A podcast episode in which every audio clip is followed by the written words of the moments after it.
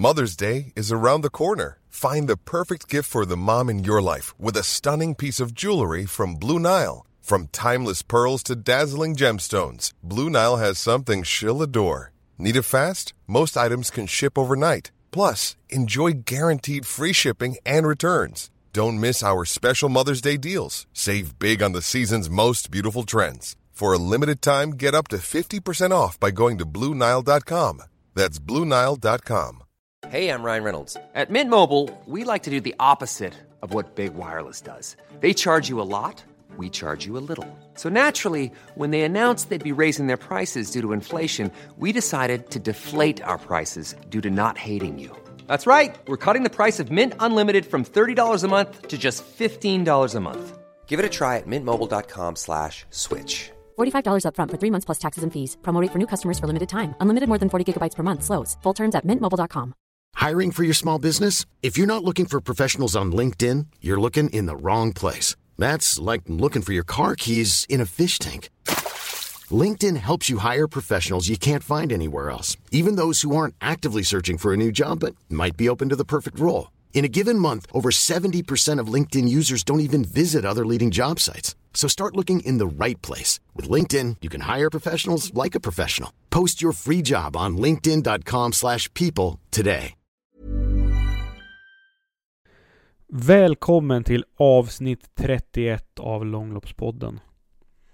Den här veckan så flyger jag solo för eh, Alex han har varit på, på älgjakt så han eh, befinner sig just nu i skogarna i Evertsberg väntandes på någon, eh, ja vad är det man väntar på, någon 30-taggare. Det kanske låter lite mycket. Men han, han sitter väl och spanar på några älgtjurar som, ja, ska springa framför några jakttorn så att han kan få fälla någon. Så därför är jag ensam den här veckan. Och, eh, men jag är inte helt ensam. Jag har ju faktiskt haft en, en gäst som jag pratat med i nästan två timmar. Och det är en person som, eh, ja det är en stor skidikon. Det är en, eh, en pionjär och en glidutforskare skulle jag vilja säga. Jag tror att eh, många utav er har sett hans vallningsvideos på Youtube. Där har han och eh, Skistart publicerat väldigt många videos. Eh, alltså när jag flyttade upp hit till Lofsdalen så jag var tvungen att lära mig så mycket som möjligt om skidåkning och framförallt vallning då på så kort tid som möjligt. Och då, då hittade jag hans videos och jag, jag tittade på dem där. Jag gjorde en spellista av de där videorna och tittade på dem ja men i princip varenda dag. Och eh, jag somnade ju till många av de här varenda kväll så så min sambo känner till och med igen hans röst och det är ju, ja Ja, den är väldigt len och fin att lyssna på. Tyvärr så hade vi lite teknikstrul så att eh, i slutet på några av meningarna så, så blir volymen väldigt låg. Men jag tror att ni ska kunna stå ut med det ändå. Eh, I avsnittet i alla fall så pratar vi väldigt, väldigt mycket om eh, skidvalla, skidplock, eh, strukturer och eh, en hel del eh, varumärken nämns flera gånger. Och det här är liksom ett medvetet val som vi har gjort. Vi är, det här är inte ett sponsrat avsnitt på något sätt, utan vi pratar med, med Henrik för att han är väldigt duktig på det här. Eh, så det vill jag att ni ska ta med er. Eh, sist i avsnittet så tipsar Henrik lite grann om, om eh, ja, men hur man ska tänka efter eh, det här fluorfria förbudet har, har, eller fluorförbudet har trätt in. Och han tipsar också lite grann om, om handstrukturer, vad man ska tänka på där. Eh, ja, det är alldeles strax dags att nörda in här. Vad, vad ska jag säga mer? Jo, jag spoilar min vikt minst två gånger i alla fall. Jag har ju fått väldigt, väldigt mycket frågor om det, så att, så att nu får ni, får ni äntligen reda på det. Eh, ja, nej, nu ska inte jag sitta här och mumla på. Nu tar vi in veckans gäst, Henrik Lind från Skistart. Välkommen Henrik! Tack så jättemycket! Kul att vara här. Ja, ja men du är här för att ge oss en eh, liten uppdatering om eh, trender, lite strukturer. Vi har pratat om stakskidor här alldeles nyss. Eh, ja, men lite en allmän uppdatering inom eh, prylvärlden kan man säga. Mm, ja, men absolut. Det ska bli jättespännande att kunna dela med sig av lite av kunskaperna man har fått åt sig genom åren i varje fall. Mm. Ja, men det tycker vi är jättekul. Eh, men skulle du kunna börja med att berätta lite grann om, ja men dels om dig själv men om, om Skistart också och Skistarts historia? Mm, nej men absolut. Nej, men det, mitt intresse till skidåkningen egentligen, den, den grundas för att min son var ganska duktig på både skidor, längdskidor och skidskytte. Egentligen därav intresset. Jag har egentligen ingen egen längdåkningsbakgrund från början som tävlande. Jag har tävlat i väldigt många sporter men faktiskt inte längdåkning. Däremot alpint har jag tävlat i, i ungdomsår. Så det, det började egentligen av ett prylintresse för att hjälpa grabben att få bra, bra skidor egentligen. Och var med i klubben då i Älvdalen och valla och greja och tyckte att det här har lite lätt att nörda ner mig i saker.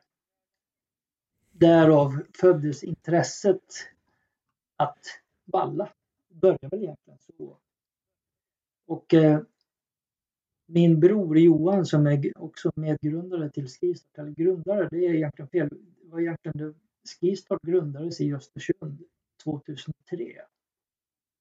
Men de var nog lite för tidiga på, på online med skidor och dylikt så att de tröttnade. Så jag skulle egentligen fick tips om att jag fick tips om att köpa reavallor på Skistart 2006. Så då hade jag och min bror pratat om att det vore kul att göra någonting online på skidor för han sålde mobiltelefoner på nätet.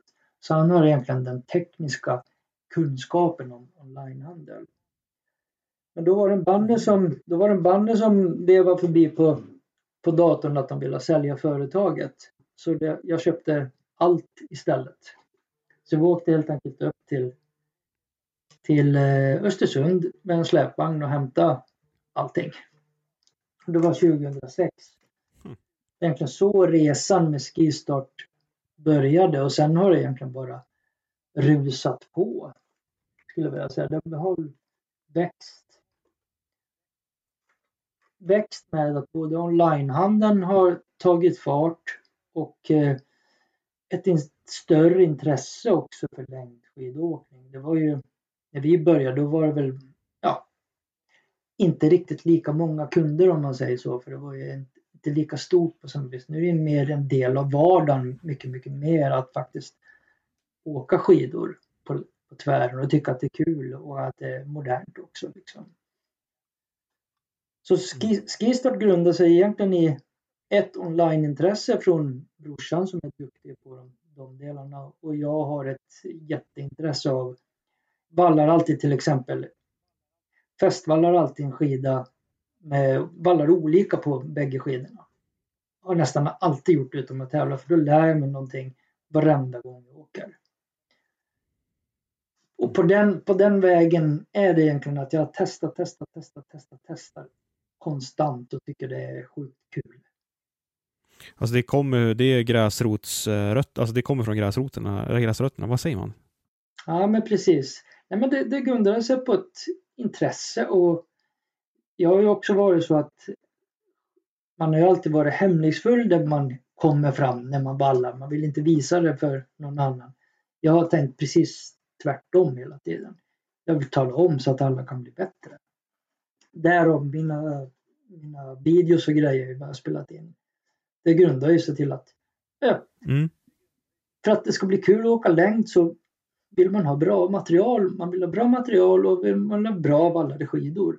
Och då måste man få hjälp för att få det. Och det kan ju kunskapen vara en bra hjälp för att komma vidare. Då blir vi flera i sporten. Så resonerar jag. Mm. Ja, men det gagnar ju oss alla. Men kan du ta oss tillbaka lite grann? Alltså, vad är skillnaden? För du köpte det här 2006 och startade upp då, för då hade ni egentligen, jag antar att ni utgick från en liten lokal, men marknaden för e-handel och framförallt e-handeln inom sport var ju inte speciellt mogen om man får säga så, alltså där och då om man jämför med idag. Alltså hur har eran försäljning förändrats från 2006 till där vi är idag? Liksom. Jag tänker på både på hur ni plockar skidor, eh, returer och, och hela den biten. Mm. Men vi kan väl börja att när vi, när vi tog över 2006, vi sålde inte skidor. Vi fick inte sälja skidor det var ingen som ville att vi skulle sälja skidor. Nej, ingen, det var ingen som trodde online. Det gick inte att sälja skidor på det viset. Så vi kämpade ju ganska länge med att liksom få vår första leverantör på plats. Och det var en ganska kul grej, en liten halvbluffig grej för att komma igång. Men jag ringde, jag köpte stavar och eh, valla främst av Sportmarket. De hade ju Svick som agentur då. De hade även Fischer som de har idag också. Och då ringde jag till kundtjänst och frågade om jag kunde få köpa ett par skidor till grabben som tävlar för jag behövde ett par nya. Och det var ju inga problem. Mm. Men då sa jag, aha, tänkte jag. Då la jag upp det på nätet att jag sålde Fischer. Så tog jag hem på beställning. Fischer hade, eller Sportmarket hade ingen aning om det. Och sen när jag pratade med säljaren efter nästa säsong, då sa han, jaha, du handlar skidor med oss. Annars har jag bara handlat vallar. Då, ja, men det, det har jag gjort ett år nu, sa jag. Men ska du inte lägga en grundorder då? Absolut, sa jag. Sen var vi igång egentligen. Och när jag då hade fått in Fischer, då öppnade ju de andra dörrarna sig lite automatiskt. Mm. Så då var det lättare att få in nästa varumärke så att säga. Men jag hade ju, fick ju inte köpa bindningar, Salomon-bindningar fick jag ju inte köpa heller. Så det fick jag ju också, det köpte jag via Proski på den tiden. Han hjälpte mig att komma över bindningar så alltså vi kunde leverera en hel produkt. Så det var det, det var en väldigt kantig och en upp och ner-resa med att få tag på varumärkena. Eh, så man har fått varit väldigt uppfinningsrik för att överhuvudtaget få produkter att sälja. Man har väl varit lite kanten och tassat mot vad som egentligen är tillåtet. Men det har ju, det har ju funkat. Nu står de ju på kö istället för att vilja vara hos oss. Så det är jättekul. Men vi var ju online, var ju, vi var väl någonting som liksom, katten släpade in en död mus kändes det som i början. Men man vart ju bara mer taggad av uppgiften då egentligen. Men i början hade vi ju, när vi, vi satte ju redan från början egentligen att vi ska aldrig leverera en skida som vi inte själv vill åka på. Det var liksom grundtesen när vi började sälja skidor. För ska vi få, fler, ska vi få flera till sporten då måste man få rätt produkter. Och det byggde egentligen på att jag, haft, jag tyckte att jag hade problem att hitta bra material till grabben när jag, när jag gick till sportaffären och köpte. Man fick ju random produkter när man stod på, man fick stå på en bräda och vingla lite grann och så. Så fick man lite där man fick om man säger så. Eh, det var inte så proffsigt plockat så vi köpte en, en liten apparat som du kunde klämma ihop två skidor med. Och på det klämde ihop dem, kunde se kilovikt och då på det viset kunde du då plocka ut ett spann och få koll på hur mycket du pressade. Egentligen första typen av spannmaskin på, eh, inom handeln. Att det var en väldigt enkel apparat. Eh, på den vägen har det ju varit att jag ville haft bättre grejer hela tiden. Så jag köpte ju sen en, en Eikermålen som den heter från, från Norge. Det var nog inte så himla många i Sverige som hade den. Landslager de hade de ju och någon, någon leverantör hade de också.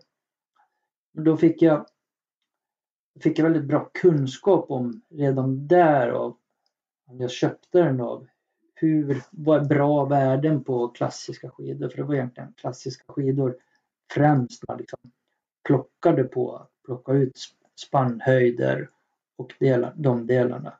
Och jobba mycket med bladmått då på den apparaten. Mm. Redan fort där kände jag att redan där fick man egentligen större kunskap om att plocka skidor än vad själva leverantörerna hade i Sverige på den tiden. För då hade man inte själv sådana apparater. Man stod ju mycket och klämde i händerna och sa den här är bra till dig. Ganska ovetenskapligt. Så då, ja faktiskt. Eh, och, så jag såg ju ganska fort att det var relativt dåligt material man fick. Alltså ojämna par de kanske var fullvär, fullviktsvärden var helt liksom bottnade. Så då började vi ställa krav Så här, men det här går inte, det här vill inte vi sälja för vi hade ju gått in med tesen att vi ska aldrig leverera någonting inte vi tror på själv. Så då hade vi en ganska många jobbiga diskussioner faktiskt med ett gäng leverantörer som inte ville plocka tillbaka skidorna som vi då dömde ut. Man tyckte att att vi dömde ut för mycket skidor helt enkelt och ville skicka tillbaks. Där har jag slutat med någon leverantör för att nej, de ville inte att jag skulle skicka tillbaka men då slutade jag handla med dem för det var för dåligt.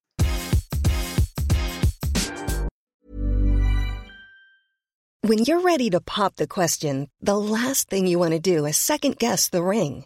At Bluenile.com, you can design a one of a kind ring with the ease and convenience of shopping online. Choose your diamond and setting. When you find the one, you'll get it delivered right to your door. Go to Bluenile.com and use promo code LISTEN to get $50 off your purchase of $500 or more. That's code LISTEN at Bluenile.com for $50 off your purchase. Bluenile.com code LISTEN. Quality sleep is essential. That's why the Sleep Number Smart Bed is designed for your ever evolving sleep needs. Need a bed that's firmer or softer on either side? Helps you sleep at a comfortable temperature? Sleep Number Smart Beds let you individualize your comfort so you sleep better together. JD Power ranks Sleep Number number 1 in customer satisfaction with mattresses purchased in-store. And now, save 50% on the Sleep Number limited edition Smart Bed for a limited time. For JD Power 2023 award information, visit jdpower.com/awards. Only at a Sleep Number store or sleepnumber.com. Nej, men som jag sa, så lite därav började vi brottas med hur, hur materialet ska se ut och vi började också ställa krav på leverantörerna på ett helt annat sätt. Och då föddes ju också den här, hur kan man mäta? Mäta saker. För jag, jag ställer ofta frågan varför till mycket av det jag håller på med. Eh, så Eikemålen följdes upp med att vi köpte ett gäng, eller var med och tillverkade via Skimatea så alltså tillverkade vi en mer eller mindre egna Eikemåler som jag hade hade ett par, tre stycken inne för vi, det räckte inte med en, vi fick lov att flera för vi växte ju samtidigt hela tiden. Jag tror att det var för att vi var relativt, eller är, noggranna i det vi gör i skidplocket så att folk blir trygga med de skidorna de får. Vi har till exempel så har vi, vi har 3% returer på skidor och det är mer att vi skickar till fel kund att vi gör något fel i packögonblicket och sådana saker. Vi har ju alltid nöjd kundgaranti. Är man inte nöjd så tar vi tillbaks grejerna. får man köpa nya. Så där måste vi vara hela tiden supernoga. Men där föddes också, eller inte föddes men kan man mäta det mer? Jag vet, jag pratade med Kusmin inom stål, stålcyklingen. Han hade, han hade faktiskt en vision om en apparat som han ville ha hjälp att jag skulle hjälpa honom att göra. Vi kom aldrig i mål med den delen. Men däremot så kommer kom vi till Centaxen. Centax-maskinen som vi använder idag, den är ju en maskin som både mäter, mäter vi istället för att mäta höjder på skidan, vi mäter höjden för spann, spannprofilen, men vi mäter också trycket ner på skidan. Så vi har fullt i sensorer under så du mäter vad skidan trycker ner istället. Så då ser vi hur tryckzonerna beter sig när de får när de får tryck på sig istället för att bara se ja här ligger det emot 15 centimeter. Jaha, det är en tryckzon. Så nu har vi kontroll på vinklarna in och ut och vi har kontroll på hur ser själva tryckzonerna ut på skidan. Så håller vi på att samla på oss det där i en jättestor databas så då kan vi, vi kan lära oss någonting hela tiden och håller på också ta fram tillsammans med leverantören för Centax tar vi fram så att du kan mäta upp en skida så kan jag trycka på knapp matcha den skidan. Så kan man leta i hela sortimentet och få fram en liknande skida. Så det finns massa spännande projekt vi håller på med den här. Han byggde egentligen den maskinen, nummer ett byggde han till Atomics utvecklingsavdelning. Uh, nummer två byggde han till oss. Nu har, uh, då kom ju Kent Norell, skidskyttarnas vallachef, han såg den där och började mäta upp, låna den och mäta upp skidparken då så att han också kunde digitalisera sina skidor. För vi digitaliserar hela skidorna med den här så att vi får, vi sparar, vi lagrar all data i en stor Excel-fil. Den finns ju också i en databas men där ser man alla kurvor och du kan mata in, har du gått ner 5 kilo då kan du lägga 65 kilo istället för 70 som man kanske var grundplockad för och se vad händer med skidan då. Och det här lagrar vi, vi säljer även den här filen för en billig peng för de som är intresserade. Men det innebär också att vi kan hjälpa kunden om man, nej men jag får inte fast den här skidan, det, hur jag än vallar så blir det inget bra. Då kan vi gå in och titta i den här filen och komma med råd. Kolla, har vi gjort rätt först och främst? Och sen kan vi ge råd till. nej men den, här, den här ska du valla faktiskt 7-8 lager på, inte 3-4 för det är så vi tänker också när vi vallar. 7-8 lager ska man ha. Men alla vallar är lite olika tjocklekar. Så det kan ju bli fel den vägen. Då kan vi hjälpa kunden under kundresan om, det inte, om man inte får det att funka. Och det är ju superviktigt. Så nu har landslag har den. Eh, nu har alla andra större skidtillverkare har de samma maskin också. Så nu pratar vi faktiskt samma språk. Så nu stämmer vi av, kalibrerar av den mot till exempel Atomic så att vi har samma värden. När de, om de ska hjälpa oss att kiloplocka då vill vi veta att vi har samma, plockar efter samma principer. Vilket är väldigt viktigt. Och det gör ju också att vi kan ha, jag får ju ofta, jag blir ofta rådfrågad av våra leverantörer. De kommer och hälsar på i Älvdalen och vill titta hur vi tänker och hur vi plockar skidor. Så att de också får ett inspel kanske från konsument. Annars är de ganska mycket inspel från elitåkare. Men om man tillverkar mycket, mångt och mycket skidorna efter elitåkarna och de förr vägde ju kanske en elitåkare 65-70 kilo. Så ser inte riktigt sanningen ut idag heller. Så man, man börjar ju uppdatera tillverkningen en del. Framförallt nu kommer till stakningen för då är man lite biffigare, lite mer muskulösa åkare överlag. Så då måste man tänka annorlunda också.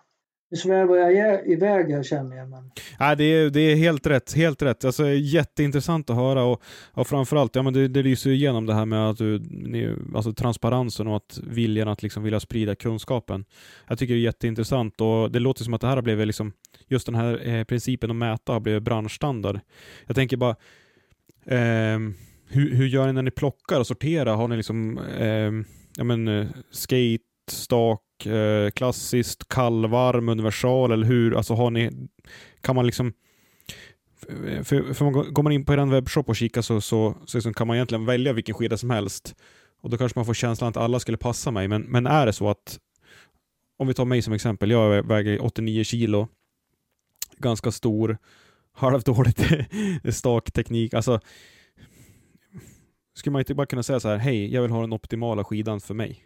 Jo, det, det, kan vi, så kan man absolut göra. Det vi gör i mätögonblicket, vi försöker mäta allting innan säsong, så nu är det ju fullt på lager. Vi säljer ju någonstans 8 till 10 000 par skidor, då räknar jag även med turskidor. Det beror på lite vad det är för vinter och sådana saker.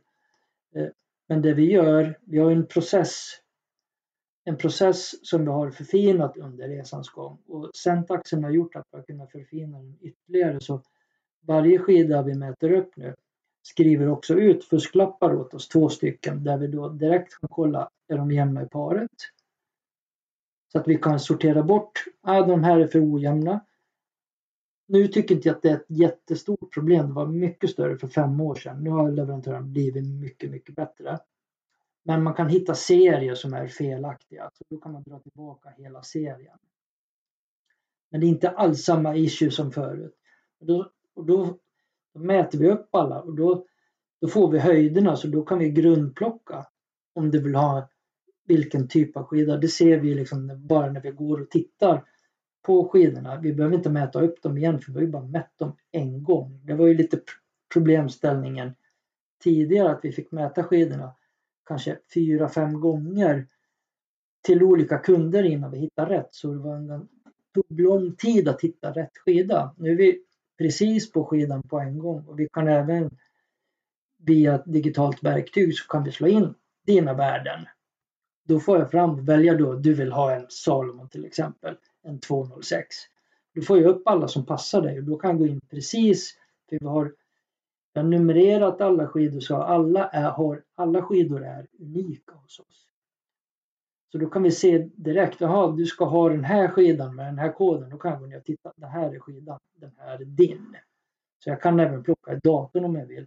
Men det, man tycker, hittills har vi tyckt att det var lättare att gå och titta, plocka rätt, sen kolla i datorn för att se att alla, alla värden harmoniserar hela vägen till åkaren. Så, så vi blir väldigt precisa i vårt plock. Och ungefär 20 procent, även fast vi har sjukt mycket skidor på lager, så ungefär 20-25 procent av försäljningen så hittar vi ändå inte rätt produkt. Då kontaktar vi kunden för att säga nej tyvärr den här, den här kan inte vi få tag på. Eller vi kan få tag på den men då måste vi ta hem den från Österrike. Men då hittar vi alltid en alternativ skida. Antingen samma märke, det kan vara en annan årsmodell eller så kanske vi måste byta märke för att hitta en skida som vi tror på. Och då är vi väldigt transparenta där så att ja, man ska veta att det ska vara rätt. Det är inte så himla stor skillnad idag tycker jag på skidmärkena. Man tänker lite olika och sådana saker men det viktiga, viktigaste är att få en skida som är korrekt plockad. För då blir det en bra upplevelse. Mm. Alltså när, när, vi pratar om att vi har digitaliserat världen, vi har en tabell. Eh, vi kan egentligen antar jag se vilken skida som, om vi tar OS som exempel, vilka skidor som gick bra under OS, för det var ju ganska kärva förhållanden och liksom det var som att åka på sand, sa vissa. Alltså, jobbar man någonting med liksom kloning för att titta på, ja men de här värdena var optimala vid de här besvärliga förhållandena. Skulle vi kunna klona det så att fler kan åka på liksom Ebba Andersson-skidan under OS? Alltså jobbar man på det sättet på något sätt? Eh, inte än. Men nu håller vi på att samla på oss det här i en stor databas. Och det jag samlar det här, Björn som har gjort Semtax får ju också in massa mätvärden i sin databas. Jag är även jag markerar ju upp skidor som jag vet går bra också för att kunna lära mig av dem. Jag, jag fick bland annat till mig Dalsskidan när han vann eh, eh, Vasaloppet av misstag från Mats. Så den, den mätte jag ju upp. Det var ju, det var ju inte en stakskida men han såg ut som en, värdena var ju som en, en dagens stakskida så att säga. Men det fanns ju inte stakskidor på den tiden. Men då såg jag hur den skidan såg ut och då fick jag också en ganska tydlig bild av vart det här är på väg. För den var väldigt annorlunda i, om man tittar mot andra klassiska skidor.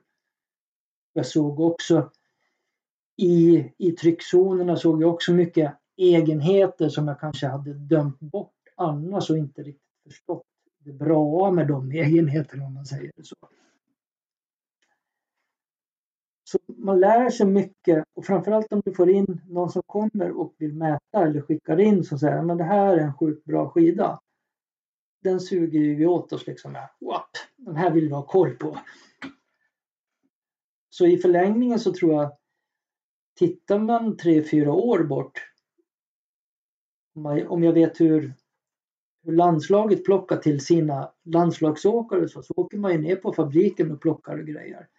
Men kommer vi, det här kommer vi digitalisera så då borde du kunna handplocka dem hemifrån. Så här vill jag skidan ska se ut och gå in i en stor databas och hämta hem den. Då skulle det underlätta väldigt mycket. Jag tror att dit kommer vi förr eller senare. Men det handlar ju hela tiden om att ha jättemycket skidor i lager för att kunna göra ett bra plock. Det får aldrig vara en kompromiss. Kompromissar vi, då kan vi tappa en en kund till längdskidbranschen under resten av livs, livstiden för att det mm. tycker inte det är kul att åka skidor. Och där är ju borta från branschen helt och hållet. Så därför är det så himla viktigt att det blir rätt. Mm. Ja men det där tror jag är jätteviktigt. Alltså där ser man ju efter Vätternrundan så är det ju liksom hur många begagnade cyklar som helst på Blocket för att egentligen folk har inte Alltså, de har inte gjort en bikefit eller så har de kört Vättern på 30 mil på helt fel hoj och det är ju som det blev ett vad i bastun. Det, var, det vart inget mer. Nej men exakt och det är ju det som är så viktigt och det Många, många brukar fråga mig, ska du ta, vill ni att ta all försäljning liksom i Sverige? Nej men det, det vill vi inte. Jag tycker det, det finns ju många bra, riktigt bra fysiska butiker runt om i landet och de är jätteviktiga för skidsporten. Att mm. de finns där. För annars Finns det bara online, ja hur blir det i slutändan? Så jag tror att det är viktigt att det finns bra fysiska butiker men det är viktigt att det är viktigt att de dåliga fysiska butikerna slutar sälja skidor som inte vill göra jobbet hela vägen. För de mm. sabbar för sporten. Mm. Enig. Intressant. Eh, det här skulle vi kunna prata hur länge som helst om känner jag. Jag tänker eh, Ska vi gå för när vi pratar lite grann om eh, skidor och skidplock? Skulle vi kunna gå vidare lite grann på Alltså ska vi lämna vallan till sist och så pratar vi lite grann om stakskidor. Mm, absolut. Kan du eh, gå in lite grann på vad som karakter karaktäriserar en stakskida? Eh, alltså både liksom hur, hur den är uppbyggd och eh, glidzonernas utformning. Eh, och så kommer jag kontra lite grann med eh, en fråga om skateskida som stakskida sen. Mm, absolut. Men när vi kommer till stakskidor så jag tror att det kommer hända jättemycket framöver, alltså hela tiden kommer man förfina hur stakskidor kommer se ut. Jag tycker det finns några grundläggande principer som man ska tänka på. Eh, de bygger ju mångt och mycket från en klassisk eller skateskida som är då spannad. Du har ju då en rörelse upp och ner i skidan. Tänker man rent fysiskt så vill du ju bara ha framåtrörelse all, all rörelse upp och ner på en skida är ju en rörelseenergi som blir förbrukad till något annat än framdrift.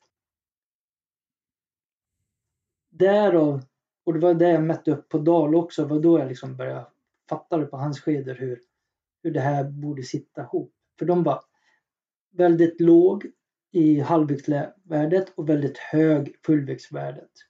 Och stenhård alltså ganska lite rörelse. Sen förstår jag att man kan tycka att det är skönare när en skida rör sig lite. Att det känns behagligt när man åker. Men jag tror att vi kommer gå mot stummare och stummare skidor. Om man inte vill ha övergången i glidzonerna och man kan nyttja dem tack vare att du får en rörelse i skidan. Just det. det är jag inte säker på att är rätt melodi egentligen för att kunna nyttja dem. För att det blir svår, svåranalyserat vad som är bra då tror jag. Så desto stummare desto bättre skulle jag säga. Mm. Och sen det man bör tänka på det är framförallt om man är lite kraftigare för i och med att vi man gör ofta skidorna alltså, Johan Olsson 65 kilo kanske eller vad han kan väga så mm. har man alltid tänkt när man har gjort tävlingsskidor. Här kanske en, en normal stakåkare väger 85 kilo. Om man tittar på snittet. Mm. Då krävs det en helt annan, en helt annan uppbyggnad på, eh, på tryckzonerna för att du ska kunna balansera upp den skidan. Framförallt om det blir lite mjukare före. För annars kommer du börja ploga med skidorna och då får du en plogningseffekt. Och det bromsar gigantiskt. Mm. Så det är egentligen de delarna. Är man lite tyngre då, då måste man hitta lite längre tryckzoner. Alltså väger man, jag väger typ 65. Jag, har, jag upplever inte de, de problemen. Men väger man med, jag ser ju att det här blir inget bra. Liksom. Då kan det många gånger vara att det är bättre att ta en ren kallskida och flytta bindningen långt bak. För att hitta, hitta rätt tryckzonsdel. Mm. Du får ju, den ska ju också vara inte nypa när du, när du åker upp för så den är ju stakskidan är ju framspannade på ett helt annat vis. Just för att kunna mota den här nypningseffekten som kommer. Det, bör, mm. det, har, det har man ju kommit långt på tycker jag. Den är ju i princip Ja, för, för förut sa de ju att, eller gick ett rykte i alla fall, att det går inte att hitta en stakskida om du väger, liksom, ja, men som jag väger 89 kilo. Det är svårare att hitta för det är lättare att den nyper. Det, det menar du, det är helt borta nu då? Det, det är borta, men där, däremot det har ju att göra med den där eh, den eh, plogningseffekten. För att du lägger ju ganska mycket kraft när du åker upp där. Det, det blir ganska aggressiv åkning. Mm. Så det är inte 89 kilo du trycker till med när du åker upp det är ju mycket mera. Mm. Där, därav så måste man tänka mera på tryckzonerna också. Hur det blir så att det inte, är det lite mjukt så att man inte borrar i, igenom. Det är också en ny effekt så att säga. Mm. Så väger man plus 80 då ska man vara mer noggrann på, på leverantören där man köper skidorna. Att man har koll på tryckzonerna. Bra tips.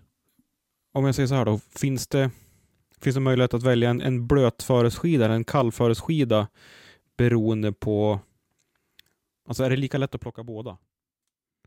Eh, svårare att plocka en ren, ren kall och är det riktigt varmt då kan det många gånger vara då kan det vara bättre att ta en plusskida många gånger för den är också relativt styv och sen kan man ju försöka leta efter en ganska eh, mer statisk än dynamisk skida för att hitta, hitta den. Jag tycker att man gör ju lite stakskinn, de görs efter ganska hårda fasta förhållanden. Mm. Där tillverkar man dem. Och vill man ha mer åt det riktigt kalla hållet eller mer åt det varma hållet då måste vi då måste man titta. Det är viktigt att man skriver det till exempel om man handlar av, av oss. Då måste man ange det, vilket före man helst vill ha den i. För då kan vi anpassa den åt det hållet. Men det är lite trixigare att hitta rätt då, helt klart. Då kan vi också få lov att välja ett annat märke för att vi tycker att den här passar bättre till de här förhållandena. Men jag tror att det kommer hända massor i det här för jag tror att man har en relativt lång bit kvar men det vi pratar ju tio år säkert. Man ska inte så det kommer bli bättre och bättre material hela tiden. Men det ser jag nu också sen karbon och sånt kom in som materialval så tittar du tio år tillbaka när vi fick en ny skida då var det i regel en ny design. Det var ingen ny skida utan det var en ny design. Nu är det nya nya skidor hela tiden när man gör releaser. Så det är mycket roligare att vara i den här branschen när man kan sälja en ny skida som faktiskt är ny också. Inte bara bytt färg lite grann. Inte bara som att köpa en ny iPhone. Nej, äh, nu. nu. nej, men... Eh... nej, men... Du förstår vad jag menar ja, tror jag. absolut. Jag tänker, ehm, eh, förut pratade man ju mycket om, eh, alltså, när jag började staka för, för länge sedan, eller ja, när jag började hobbystaka, då, då skulle man ju ha en eh, skateskida eh, att köra på för att eh, stakskidorna fanns ju liksom inte. Jag tror Fischer var väl först med sin den här DP och DP Sprint eh, skidan. Men, men då kunde man ju ta en skateskida för att den var lite styvare. Gör man så idag? Vissa fören tror inte det spelar någon jättestor roll. Är det hårt och fasta fören, men du har en annan form av tryckfördelning. För tryck för det, när du lägger tryck på en skateskida då går ju trycket in närmare foten. Så du får en helt annan tryckfördelning och den är ju relativt korta zoner. Den som har skateskidorna som sticker ut tycker jag för att staka på det är ju Salomon. De har mycket längre tryckzoner på sina skateskidor generellt mot andra märken. Framförallt bak där 75% av din tyngd ligger där har jag, tror jag har sett ganska många som faktiskt har stakat på eh, Salomon skateskidor. Då plockar vi dem lite annorlunda istället. Vi plockar ju ner höjderna för att den ska bli mer, mer rätt karaktär men de är ju liksom tokstumma. Eh, och de, om man såg, eh, jag tappar namnet på hon som vann hela tiden på de där. Britta? Nej. Eh, Eh. Shit. Mm, på en, en Salomon-skida? Ja, hon, har ju, hon slutade ju förra året. Korsgren. Korsgren, ja. Korsgren körde ju Salomon. Hon hade ju stak, hon körde ju skateskidor, de blåa. För det, det blåa mm. belaget var mycket bättre. Gick snabbare i de mm. typen av förhållandena.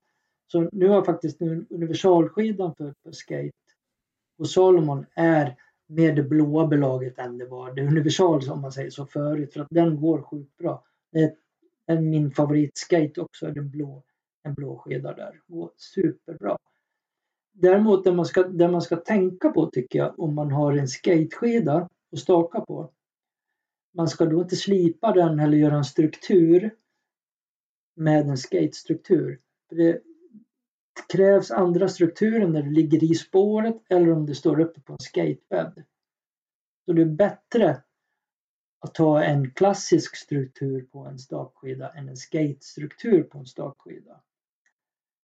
Det, det tror jag många gör bort, bort sig på för jag det testar jag väldigt mycket runt strukturer. Det är sällan jag, jag kan ta en om jag tar en fabriksslipad skida och ut och skejtar på. När jag går in i spåret och ställer mig så får jag en bromsande effekt som släpper när jag står bredvid spåret om jag står i, en snygg räls eller en skatebed så blir det väldigt stor skillnad däremellan. Och det gäller ju, det kommer ju stå mångt och mycket i spåret så du måste ju anpassa skateskidorna om man säger så till den strukturen som hör hemma där. Mm. Det tror inte jag många tänker på. Det är jätteviktigt. Mm. Um, när vi ändå är där, vi brukar ju göra, alltså vi brukar göra något som vi kallar för segways, alltså vi glider över på ett nytt ämne. Och jag tänker, vi, vi har sagt att vi ska lämna vallan eh, till, eh, till slutet, men du pratar ju väldigt mycket i dina videos om handstrukturer och strukturer. Jag tänker, är det läge att vi går in på det nu, eller behöver vi, vad ska man säga, förpreppa med lite valla först? Uh, vi kan nog glida in på vallan därifrån, för det, det hör ju väldigt mycket ihop. Eh, nej, men som, som säkert många av våra kunder och ni vet så, så skär ju vi in struktur med stålcyklar. Och efter det så skär vi in strukturen mer med eh, eh, handdrill, speciella handdrillar som vi kan skära in strukturen. Så vi gör ofta tredimensionella mönster i skidan som vi skär. Vi upplever ju att våra skidor glider bättre än om du slipar skidan tack vare att du får ett, ett, ett, renare skär i plasten. För vi pratar om att bearbeta plast. Det är inte svår, konstigare än så egentligen. Och slipar, slipar du en plast så kan du få mikrofibrer. Inte alla, men många. Så jag testar ju hela tiden. Jag testar nog annorlunda mot vad alla andra gör. För jag testar alltid. Jag försöker testa. Jag slipar alltid en skida hos någon av våra konkurrenter eller jag får från racingfabrikerna en, en skida därifrån som jag testar så att vi alltid håller måttet i våra strukturer så att säga. Så att jag har koll på mm. att vi ligger längst fram. Och det, jag testar alltid utan valla, alltså rent på belaget. För att jag vill komma så nära nära materialet som möjligt utan att applicera något annat. Eh, man kan ju, många säger att man ska inte valla om man, om man cyklar skidor. Det är ju helt fel i min värld. Det är klart man ska valla. Det ena är fysik, det andra är kemi. När du får de här delarna att, att sättas ihop, det är då du får det bästa, bästa materialet. Mm. Så vi försöker, vi försöker utarbeta nya strukturer hela tiden och jag, jag känner väl lite grann, jag har kommit ganska långt nu så det som står på, på programmet för i år det, det tror inte jag heller man har riktigt tänkt på. Du tänker på det när du kör handstrukturer för då kan man köra, man trycker lite hårdare bak på skidan bland annat. Lite, lite lättare, att du har en millimeter fram och två millimeter bak. Det jag ska göra den här säsongen det är att testa fram, kan jag få ut någonting av att ha olika strukturer, grundstrukturer som jag kallar det då, fram och bak på skidan. För det har ingen annan gjort. Så det är liksom mitt mission för i år att hitta det. Men för att hitta en ny struktur så måste han ju, jag tänker, eller vi tänker så här. Vi kanske inte ska träffa 100% hela tiden, men vi ska aldrig vara sämre än, sämre än 95% någonsin. För vi ska ju det är det som är det viktiga, för vi, inga, vi ska inte göra som landslaget gör, de ska träffa 100% varje gång. Vi ska ju träffa hela konsumentgruppen i många olika fören. Så det måste vara ganska breda strukturer vi gör. Så, så då, då siktar jag på aldrig 195 procent mot toppen. Det är liksom så jag tänker när vi plockar fram det här. Och testar, testar i princip ett par, par, tre gånger i veckan. Min fru är ju, ett, vi är testpilot bägge två varenda gång på olika sätt. Fantastiskt. Och jag, jag lär mig egentligen mest när jag testar strukturen om det är i, i de här, alltså så långt bort i gränsen, ska jag testa en kallstruktur då, då börjar jag testa när det är 20 grader kallt för att hitta var gränserna hela tiden. Och en sanning som jag har brutit sönder som man, man säger att man ska alltid ha så fin struktur som möjligt när det är kallt. Det går att göra för fina strukturer när det är kallt. Vi har ju ett av våra strukturverktyg är ju 0,1 millimeter som, som vi skär in mönstret i på slutet. Den blir för hydrofob Så att när det blir för kallt då blir den för hydrofob och när det blir runt 8-10 minus när det börjar knirra i snön då byter du friktion, då går du från blöt friktion till torr friktion. Då ska du vara rädd om vattnet istället för då får du en smörjande effekt. Annars vill du ju, annars vill du få skidorna att lyfta, alltså som en typ av svävare. Du vill få in luft under skidorna så att den, bara, så att den lyfter hela tiden. Det är ju det som är utmaningen hela tiden. Så vi försöker ju hitta det och då har jag också hittat gränserna Fluorgränserna när jag använder mig av den här 01 blir lite annorlunda för att den gör en extremt hydrofob effekt på skidan, våran 01 01-verktyg som Skimateria har tagit fram. Ja, jag måste bara bryta in. Hydrofob, det betyder alltså vattenavstötande? Ja, precis. Ja. Och det är det man försöker få fram, framförallt då med fluorvaller, är ju extremt hydrofob, hydrofobra och nötningsbeständiga. Mm. Det, är, det är där svårigheterna blir nu när, det, när vi kommer in på fluorförbud. Så då kommer ju, då kommer ju strukturerna bli mycket, mycket viktigare. Och kanske att ha fler, att man måste kanske addera någon skida till till sin skidpark för att komma ifrån. Jag tycker vallan är den, den, funktionen på vallan gör att skillnaden mellan skidor och strukturer i skidor blir mindre med hur du vallar skidan.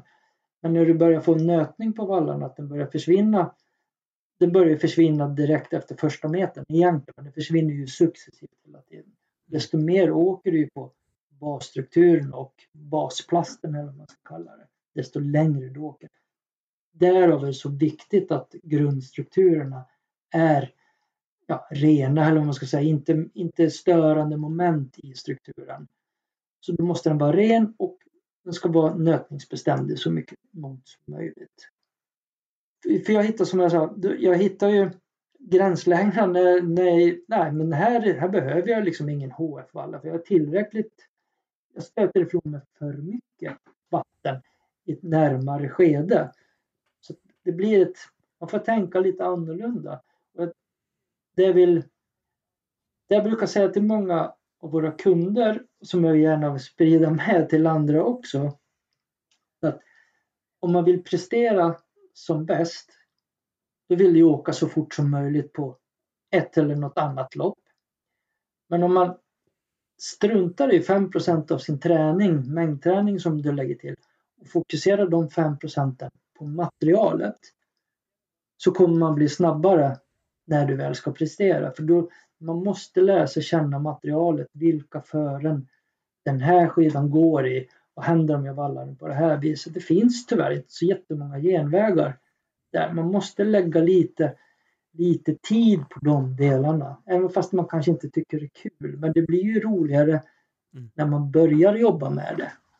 Så har man två par, ja då lär man ju valla dem mm. olika och testa sig fram mellan det och då kan man ju också testa mellan olika fören. Vilka går faktiskt bäst här? Det tror jag är jätteviktigt. Ja, du menar att åkare också bör, bör lägga, alltså, lägga det engagemanget på material? För att lära sig materialet framför allt. För det tror jag man missar. Ja, och det, alltså jag hänvisar ju ofta till cyklingen, eh, men inom cyklingen pratar man ju om marginal gains. Jag vet att många kommer spy på mig när jag pratar om det här. Men alltså är det en halv procents skillnad man kan se bara genom att liksom göra små, små justeringar på cykeln, då är ju det en astronomisk stor skillnad på ett långlopp. Liksom. Exakt. jag, jag mäter ju också mycket. Jag, till den här säsongen, jag har gjort en egen skateskida till den här säsongen. Jag har försökt hitta en riktigt vass skateskida som inte ska kosta 6-7 tusen kronor. Mm. Så jag har testat jättemycket material som då slutkonsumenten kan få betala kanske 3000 kronor för. Men hur jag gärna betett mig med strukturer, med vallor. Jag kommer aldrig upp till det materialet, det bra materialet jag har i hastighet. Och det skiljer ungefär. Jag, räknar, jag har en, en en och en halv mils runda som jag åker väldigt, väldigt ofta. Och då vet jag hur fort jag presterar på den rundan med olika typer av skidor. Och jag, jag tappar ungefär 30, 30 sekunder per kilometer i kilometertid när jag har en för billig skida. Hur jag än beter mig Mm. så jag kommer inte ifrån det. Och det är ju, då pratar vi alltså 12-15 procent i slutändan. Det är som att åka Vasaloppet och, och få lov att åka en mil längre än alla andra för att man har en för dålig skida. Mm. Det är ingen som vill göra det liksom. Men så, vad sa du nu? 30 sekunder på milen? Nej, om jag, jag kilometertid, om jag till exempel åker på 4,30 per kilometer. När jag testar en skida så tar jag en, en av mina, jag har alldeles för många skidor, men jag tar en bra, jag har ju, jag har ju mest åkt på liksom tävlingsskidor hela tiden. Jag har inte testat så himla mycket på lite sämre material. Men jämför dem så skiljer det ungefär 30 sekunder i kilometertid hur jag än beter mig. Mhm. Jag kan inte liksom balla till den. Jag kan inte strukturera om den så att jag kommer upp i samma hastigheter som tävlingsmaterialet. Och det, och det är också någonting jag tycker är viktigt att kunna förmedla. För många tror att nej, men tävlingsskidor kan inte jag åka på. Jag, är, jag, är ingen, jag tävlar ju inte. Jag är inte så duktig. Det är precis tvärtom. Det är där vi hittar rätt material till kunden. Och de går ungefär 30 sekunder, alltså 12 till 15 procent snabbare än billigare material. Och det måste ju, det är inte bara att de är lite tyngre, det är ju mera, och jag försöker lista ut vad det är som gör skillnaden, men det har inte jag lyckats med riktigt än. Jag tror att det har någonting i tillverkningsprocessen, för många gånger har det ju samma tävlingsbelag på skidorna, en billig skida som en ny. Men du har ett annat innehåll i skidan, så jag tror att det har med att göra med med värmen, att när det, det blir värme applicerad i slipstegen i fabriken som gör att den lite grann dödar skidan. Jag tror att det är där knutarna sitter. Jag har alltid trott att man har varit fula sig i fabriken. När vi gör billiga skidor då vrider vi upp ratten så att det går fortare att göra skidor. Jag tror att det är mer att de med värmen att göra. Någonting händer där.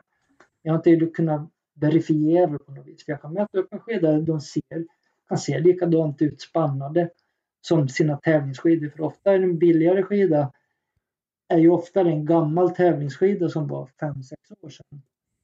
Fast man byter inmätet i den. Och det är någonting som händer då. Om det är lite vinklar eller om det är att det blir, du får in värme i skidan. Fischer börjar med cold bonding till exempel. Det, belagets, belaget börjar ju smälta vid 120 grader. Det händer ju Mm. någonting här. Så, men alla, de flesta gör cold bonding. Men Fischer är ju tydlig att man talar om att man gör på ett specifikt sätt. Man försöker tillsätta så lite värme som möjligt. Men jag tror att Mm. tittar du i en fabrik så är det ungefär 10 slipsteg för att göra skidan plan och få en slutgiltig struktur på skidan som kommer ut i andra ändan. Och det är mycket värme som applicerar i väldigt korta små punkter på skidan. Jag tror där är en av problemställningarna till att billiga skidor inte går riktigt lika snabbt som nya. Och det är gigantiska skillnader på 12 procent tycker jag. Ja, gud ja. Och det är ju, ja. Det gör ju också här till en, en ganska ordentlig materialsport. Men eh, ja, nu är vi nere, nu är vi nere på väldigt små detaljer, men Ja, intressant att höra. Riktigt intressant att höra. Eh, jag tänker, ska vi gå upp på någonting som, som vi kan påverka? Vi har ju varit inne på, på strukturer och det är ju jag tänker att du ska få dela med dig av, av något strukturtips sen, men eh, jag tänker för att du, du, du var inne på att strukturen det är den fysiken i det hela och eh, vallan är kemin. Och just nu står ju hela skidvärlden inför det här fluorförbudet som stundar. Mm. Och eh, ja, men vi har ju konstaterat förut, det viktigaste med det här det är att det verkligen blir av nu. Um, hur, alltså innan vi börjar prata liksom om hur vi ska valla, jag är lite nyfiken på att veta, hur har det här påverkat er som handlare? Har ni liksom behövt skicka tillbaka massa fluorvaller eller hur har, det, hur har ni behövt göra? Har ni haft dubbelt av fluor och fluorfritt? Ja, lite grann. Först slutade man ju helt med fluorerna när de sa det och liksom satt ner det i pris. De som vill ha det får väl köpa bort det sista för det var ju ingen som ville ta tillbaks det. Och, och det är väl ingen som riktigt har råd heller att liksom kasta bort det. Men det har ju varit en resa under tre eller tre eller fyra år nu, upp och ner. Eh, Det har ju påverkat vallatillverkarna jättemycket och även återförsäljarna jättemycket. Vad, vad ska vi sälja till kund egentligen? Eh, jag har ju många, framförallt stakåkare som verkligen vill ha Florvalla för de, de vet att de man vill jämföra sig med, eliten så att säga, de har ju Florvaller när de tävlar. Så de har ju försökt få tag på sådana saker som inte har handeln har funnits liksom. För annars kan inte de vara med på samma villkor längre heller. Så jag förstår ju liksom frustrationen runt omkring det. Så det är, men det är ju superbra att man nu äntligen verkligen tar steget fullt ut och blir fluorfria.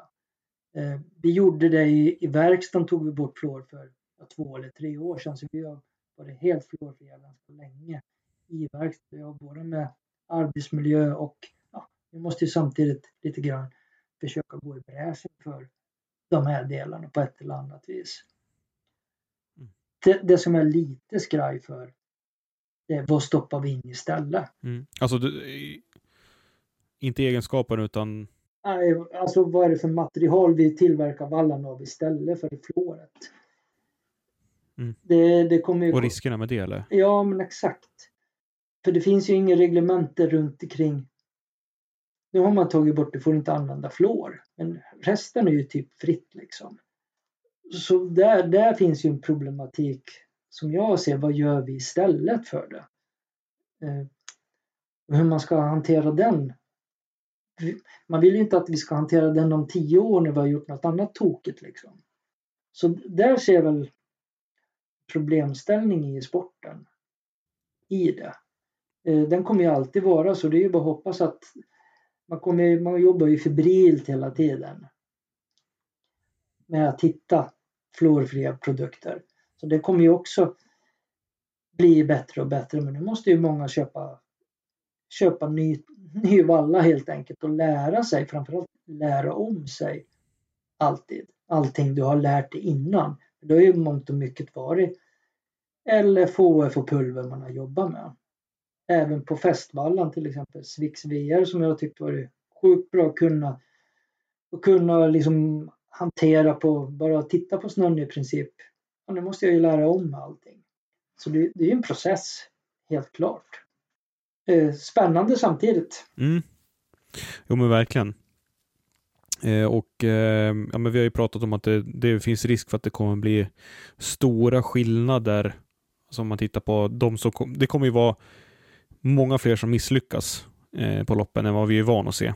Och det kommer ju ja, såklart leda till diskussioner och misstankar och vi får hoppas liksom att det stannar där så att det inte blir en massa smutskastning. Om man tittar på långloppsåkarnas påverkan på det här, eller långloppsåkarna, så är man ju van liksom att gå på någon form av, ja men som du är inne på, man har någon form av standard maratonvalla eh, av något slag. Mm. Eh, har du något konkret tips för vad man skulle kunna, alltså vi pratar liksom mycket om valla repertoarer. Liksom man har, ja, den här går bra liksom i 3-4 minus och den här går bra när det är som 8-10 och den här är jag van med att den går bra liksom i varmfören. Skulle du kunna ge något tips till lyssnarna som, ja men den här kombinationen har vi kommit fram till går riktigt bra nu och ska man ha liksom en eller två eh, olika recept i sin repertoar, då är det de här två. Finns det något sånt man kan säga liksom? Jag, jag Generalisera lite grann. Nu ska jag göra lite reklam för min egen valla.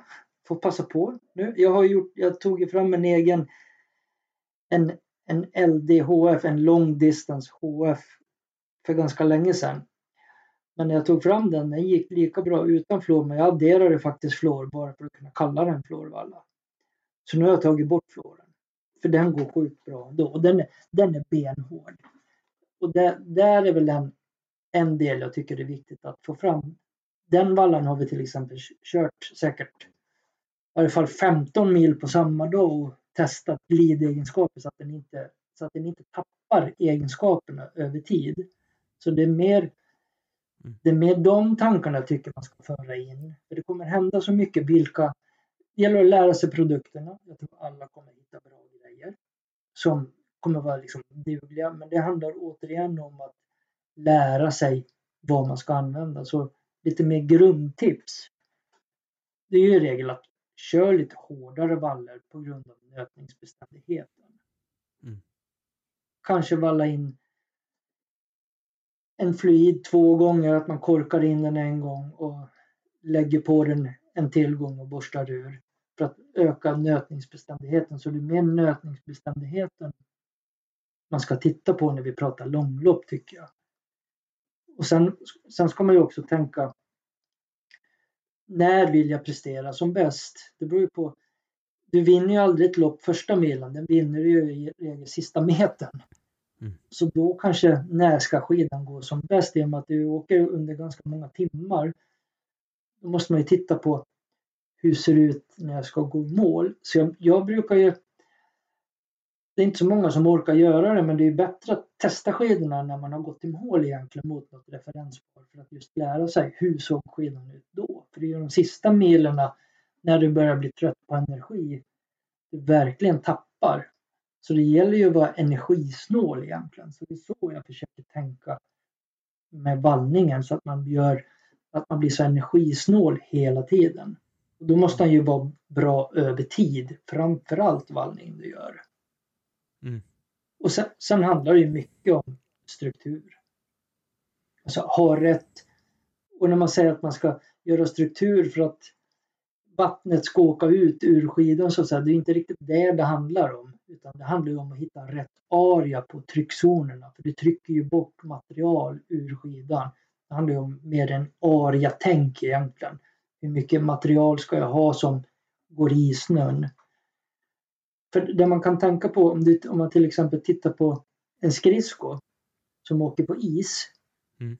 Det är otroligt lite kontaktpunkt på en skridsko när du åker på is. Is är ju vatten. Mm. Snö är ju också vatten. Det är olika processer i så att säga. Så skidans egenskaper, du glider alltså på någonstans 5-6 kvadratcentimeter är det där du åker egentligen på. Så det, det är de delarna som är så sjukt viktiga. Där, där skidan blir vit om man säger så. Hur, hur är den där? Det är ju där du åker på skidan. Kan man då också hitta, det jag hittade med Dals skidor det var att det var dubbla tryckzoner bak till exempel. Nu kommer väl alla skriva att man vill ha dubbla tryckzoner bara för att jag säger det. och det, det, är väl lite det är väl lite det, kan man få en, en nötning, en vallanötning och en strukturnötning på lite olika ställen på skidan över tid. Det tror jag är bra. Så det, jag skulle räkna jag tror att det blir lättare att hantera skidorna över tid om man har lite längre tryckzoner generellt än vad man kanske har. För det kan man hantera med struktur och handstruktur med aria-tänket. Men har du för korta tryckzoner Mm. Då får du ett ändläge på när de här skidorna faktiskt inte fungerar längre. För att de går helt enkelt för torr. Mm. Så lite de delarna och anpassa vallan sen. Det är mer nöt, tänk nötning först och främst. De ska ju givetvis glida bra men de ska ju samtidigt hålla väldigt länge. Och det är väl det pulvret har varit bra, liksom att det har bra nötegenskaper. Och sen får det givetvis inte samla samlas upp. Men det beror ju på väldigt mycket vart du är och åker. Här uppe där jag, där jag bor, där, är inget, där har vi inte den problematiken. Liksom. Så den råkar vi inte ut för. Men, men som nu, vi pratar långlopp, om jag får glida in lite mer också på skinskidor bara. För det är många som åker långloppet på skinskidor. Mm. Det blir ju ofta en ganska tråkig upplevelse om man tittar på till exempel Vasaloppet. För Vasaloppet om man kommer lite längre bak då brukar spåren bli ganska sladdriga. I regel kan det då få ganska mycket plogeffekt på skidorna. Vad som händer då är att du kommer ju längre ner i snön med skidorna. Då åker du mycket mer på skinndelen på skidorna än om du hade haft en vanlig vallad skida. Mm. Just det, såklart. Och är det då klis, är det klisterföre till råga på allt då är skinnet det ju värsta klisteruppsamlaren så den blir full i klister och då tappar den, den tappar både glidegenskaper och fästegenskaper när den blir full i klister. Det är jättemånga som blir besvikna på det. Så tänk på det, försök att ha jag brukar säga att skin är först och främst, tycker jag, en fantastisk träningsprodukt. Och hitta nya människor in i sporten för att sporten blir så mycket, mycket lättare. Men vill man prestera och åka kanske mer än ett Vasalopp, då bör man nog tänka till lite. Är det verkligen skinskidor jag ska åka på när jag ska prestera som bäst? Det är allt för många som blir besvikna. Jag älskar skinskidor, men kanske inte att tävla på. Mm. Bra tips. Men du Henrik, om man ska gå tillbaka till det här, men vi, vi pratade om, liksom, eller du pratade nyss om pulver och att man är van vid ett pulver. Alltså är det en sån lätt matchning man skulle, eller mappning man kan göra nu, att om jag, om jag är van med den här typen av pulver, då kan jag gå på ett fluorfritt eh, av den här variantens pulver? Eller alltså, kan man göra någon sån liksom, översättning att en fluid alltid är en fluid och en... Utan det måste man lära sig på nytt eller? Ja, tyvärr man måste nog lära sig det här på nytt. För fluoret har ju varit en genväg till en hydrofobbyta. Mm. Nu tar du ju bort den genvägen lite grann. Då. Det är ju många andra gledegenskaper förutom fluoret också givetvis. Mm. Men man kan inte, för att du har haft från en vallaleverantör, är det inte alls säkert att de hittar korrekt in i ett nytt pulver så att säga. Det är ju det är test, test, test, test. Ja. Hur mycket som helst skulle jag säga kvar. Ja men exakt, och, och, om jag ska liksom representera konsumenterna här lite grann så är det ju det är en dyr produkt, förlorat har försvunnit, priset har kanske inte nödvändigtvis gått ner så pass mycket. Så det är ju en dyrköpt eh, lärdom man måste göra. Eh, om man får säga så då. Ja absolut, och jag, jag har sett många, man tycker att varför ska de dyra produkterna kosta mer? Det är ju ingen fluor i, det var ju fluor som var det dyra så att säga. Mm. Men man, ska nog tänka att det finns någon form av eh, hastighet i de olika prissegmenten. Tänker man så, då kanske man förstår att det blir lite dyrare med det som då ska vara nya pulvret om man säger så. För det är, det är mindre, mindre mängder av det som kommer säljas, Det är dyrare att framställa. Och sen vet jag inte vad det är för jox man kommer stoppa in i slutändan i det. Men det är ju dyrare egenskaper och mer testning för att hitta de här sista produkterna. Så därav det, det, det är lite tråkigt dyrare priset också skulle jag säga. Så det, det, finns, en, det finns en koppling även där. Kanske inte li, mångt och mycket lika mycket till material men för att hitta de där sista egenskaperna så måste du lägga ner, ja du måste hitta mycket, måste testa mycket, mycket mer och mycket noggrannare hela vägen liksom. Så det är det man då försöker från tillverkaren att få ut få pengarna tillbaka på helt enkelt. Mm. Ja, det, det, är många som, eh, som kommer behöva göra den här resan i år och det ska bli jätteintressant att se liksom, ja, men både, både vad som händer på liksom, eh, vad ska man säga, världscup och elitnivå och vad som händer inom Ski Classics, hur teamen har jobbat där. För vi vet ju att det finns ju stora team i, i Ski Classics och så finns det de här, ja, vad, vad, vad kan de, eh, David Nilsson eh, var gäst förra veckan och då pratade vi han om eh, pro-am-team, alltså pro-amatör, alltså semiprofessionella team. Men liksom där man har en, en minibuss som man konkar runt i. Så att det, det är stor skillnad i vallabudgetar också, så det kommer bli en utmaning för många. Ja, och jag tror att bör, börjar man testa lite mer på råa skidor, alltså råa skidor, då pratar jag utan valla, då kommer man komma jättelångt i de testerna, för då kommer man lära sig sjukt mycket under den resan, vilka fören den går.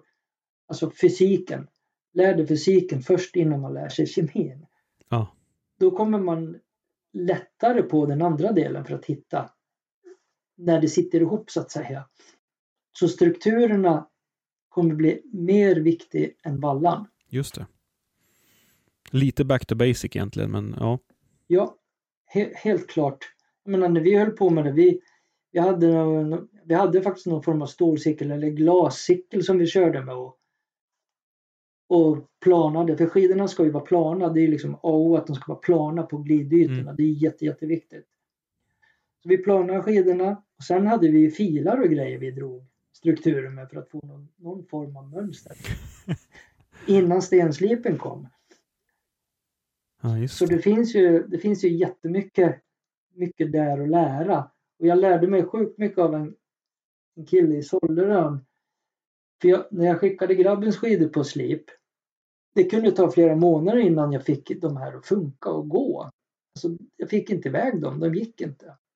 Men så den här killen i Solörön, jag vet att han slipar åt Mora skidgymnasium, han sa, för han hade slipat hos förut och hans skidor gick alltid från dag ett.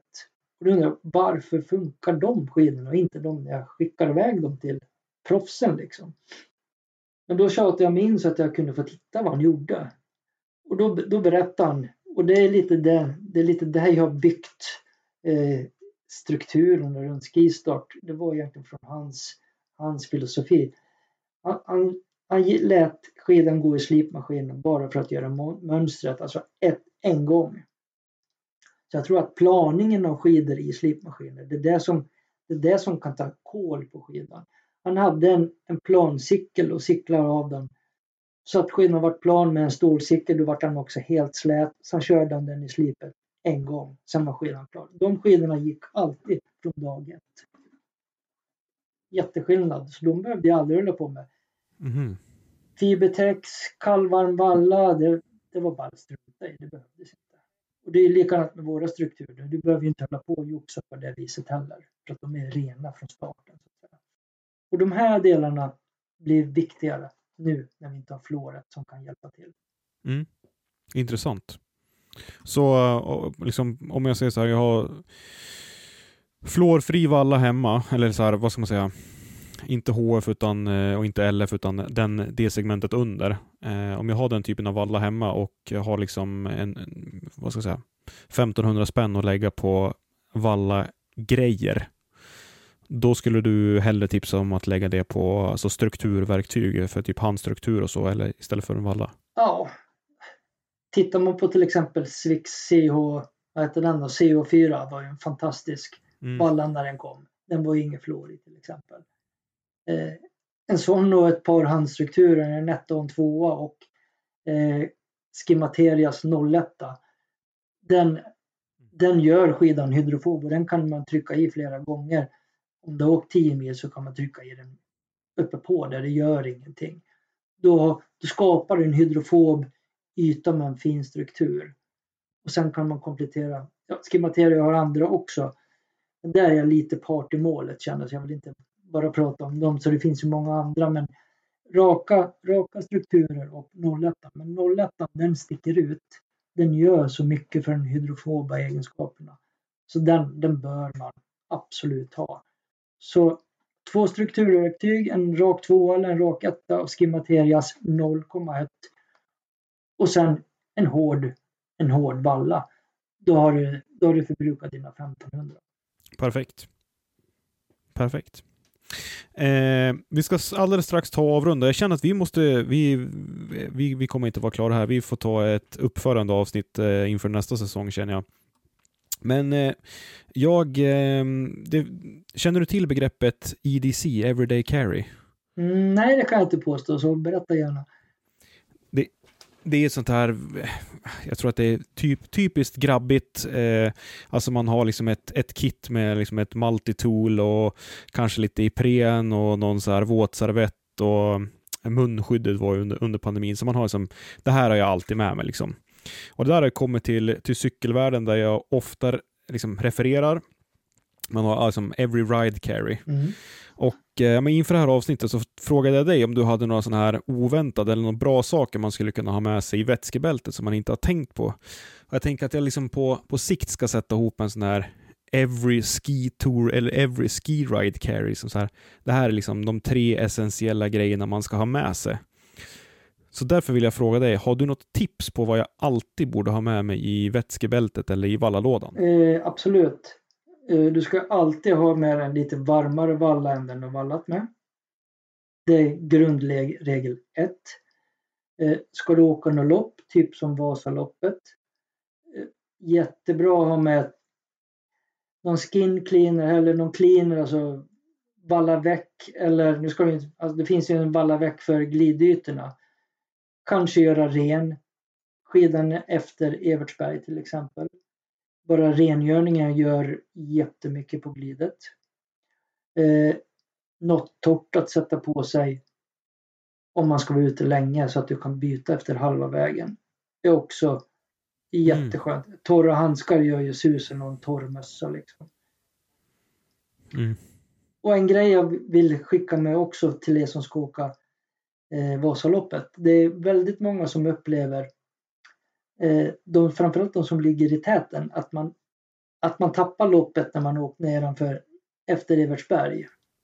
Mhm. Många upplever att man, där får jag dåligt glid, varför blir det så? Och det har egentligen, tror jag, du, har, du kommer ner på en lite lägre höjd, kan bli lite annat före.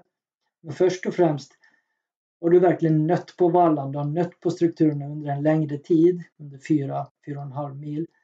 Sen åker du nerför i ganska höga hastigheter. Mm. Där dödar man mycket av skidorna strukturmässigt och glidmässigt. Så kan man dra lärdom av det och få skidor som funkar efter nedförsbackarna i Evertsberg, då man kommit långt. Mhm. Hitta någonting alltså som har liksom hög, hög medelfart hela loppet. Hitta de där nycklarna. Exakt. Bra. Jättebra tips. Både prylar och eh, vad ska man säga, tekniker. Superbra. Mm. Eh, jag tänker att vi, vi rundar av där och ehm, jag skulle vilja tacka jättemycket för, för att du kunde ställa upp och vara med och för din, eh, ja men eh, jag tror vi både du och jag delar den här eh, egenskapen att vi vill gärna berätta hur vi tänker och eh, hur vi resonerar och det är ju otroligt värdefullt för både för mig men alla, alla som lyssnar också. Det är jättekul att ja, men, ta del av dina och eh, Skistarts tips och alltså, här, få, få inblick i hur man kan arbeta. Jag tror att det stärker mångas eh, vad ska man säga, känsla och det stärker, vad är ordet jag letar? Tilliten. Man får insyn i processen. Mm. Nej, men det, det är ju ja, men det är superkul att jag fick vara med i den här. Jag tycker också, eftersom jag älskar det jag håller på med så är det jätteviktigt att få fler att älska den här sporten. Ja, verkligen. Vi lyfter varandra. Eh, tusen tack för att du ville vara med Henrik. Tack själv! Hi, this is Craig Robinson from Ways to Win, and support for this podcast comes from Invesco QQQ, the official ETF of the NCAA. Invesco QQQ is proud to sponsor this episode, and even prouder to provide access to innovation for the last 25 years. Basketball has had innovations over the years too. We're seeing the game played in new ways every day. Learn more at Invesco.com slash QQQ. Let's rethink possibility. Invesco Distributors, Inc. Ever catch yourself eating the same flavorless dinner three days in a row? Dreaming of something better? Well, HelloFresh is your guilt-free dream come true, baby. It's me, Kiki Palmer. Let's wake up those taste buds with hot, juicy pecan-crusted chicken or garlic butter shrimp scampi. Mm. Hello Fresh. Stop dreaming of all the delicious possibilities and dig in at HelloFresh.com. Let's get this dinner party started. Hey, it's Paige DeSorbo from Giggly Squad. High quality fashion without the price tag. Say hello to Quince. I'm snagging high-end essentials like cozy cashmere sweaters, sleek leather jackets, fine jewelry, and so much more. With Quince being 50 to 80% less than similar brands. And they partner with factories that prioritize safe, ethical, and responsible manufacturing. I love that. Luxury quality within reach. Go to quince.com slash style to get free shipping and 365 day returns on your next order. Quince.com slash style.